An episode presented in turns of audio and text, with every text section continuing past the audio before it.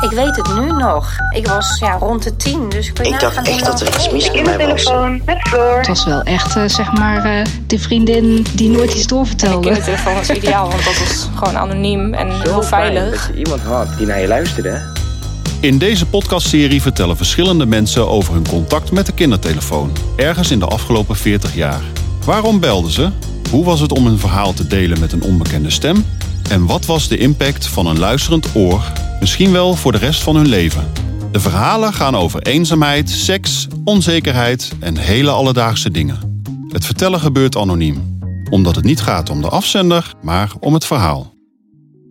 Nou, ik heb me aangemeld voor deze podcast omdat eh, mijn verhaal met de kindertelefoon een beetje een, ja, een grapje is geworden in ons gezin. Waarbij we nog wel eens het verhaal vertellen van... hey, weten jullie nog toen Maddie de kindertelefoon belde? Ik heb altijd een hele goede associatie gehad met dat verhaal. En toen heb ik gedacht van... hey, hoe leuk zou het zijn als ik, eh, als ik misschien mee kon helpen met dat verhaal. Ik denk dat ik een jaar of eh, acht of negen was. Misschien wel jonger. En ik zat in groep vier, geloof ik.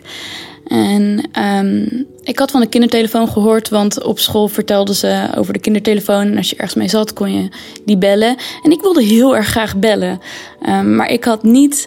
eh, ik had niet echt iets om voor te bellen, eigenlijk. Eh, dus ik besloot de kindertelefoon te bellen, omdat ik moeite had met de tafel van zeven. Eh, ik kreeg hem niet in mijn hoofd. En dat dacht ik van, nou, ik heb een probleem. Dit is het probleem en daarvoor mocht je bellen. Dus ik ga bellen. Op het moment dat ik ging bellen, zat ik in eh, mijn ouders kantoortje. En een eh, uur voordat jullie gingen sluiten, belde ik op. Volgens mij heeft ze gewoon eerst gevraagd waarom eh, het zo moeilijk was. En ehm, of ik verder nog problemen had met school en of het thuis ook allemaal goed ging. Dat vroeg ze wel, om, voor die nakontrole denk ik dan achteraf.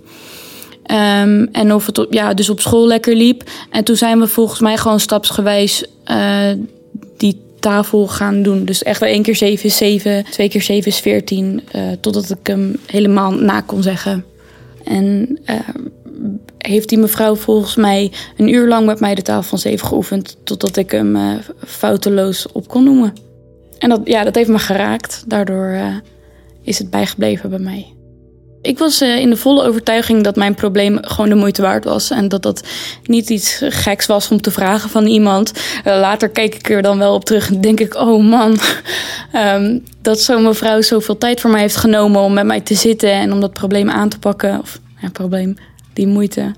Maar nee, toen was ik eh, heel erg overtuigd dat het heel erg rationeel was wat ik vroeg. Eh, toen ik de dag daarna op school kwam, eh, vertelde ik vol trots dat ik de kindertelefoon had gebeld. En ehm, de kids om me heen, volgens mij vonden ze niet heel vreemd, want ik haalde wel vaker wat gekke dingen uit. En eh, ja, ik mocht in de kring de tafel van zeven opnoemen. En voor de rest ging de dag gewoon zoals die verder ging. Ik denk dat de nieuwsgierigheid groter was dan echt ehm, dat ik niet eh, dat zou leren. Ik denk dat ik het zonder de tele- kindertelefoon ook wel had geleerd. Dat hoop je dan maar. eh, ja, voornamelijk de nieuwsgierigheid.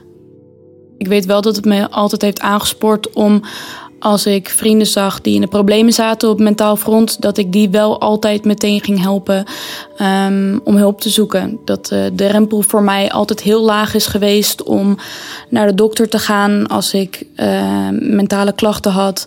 Om vrienden naar de sociale medewerker op school te sturen op het moment dat zij eh, ja, onrustig waren. De drempel was wel lager voor mij om hulp te gaan zoeken.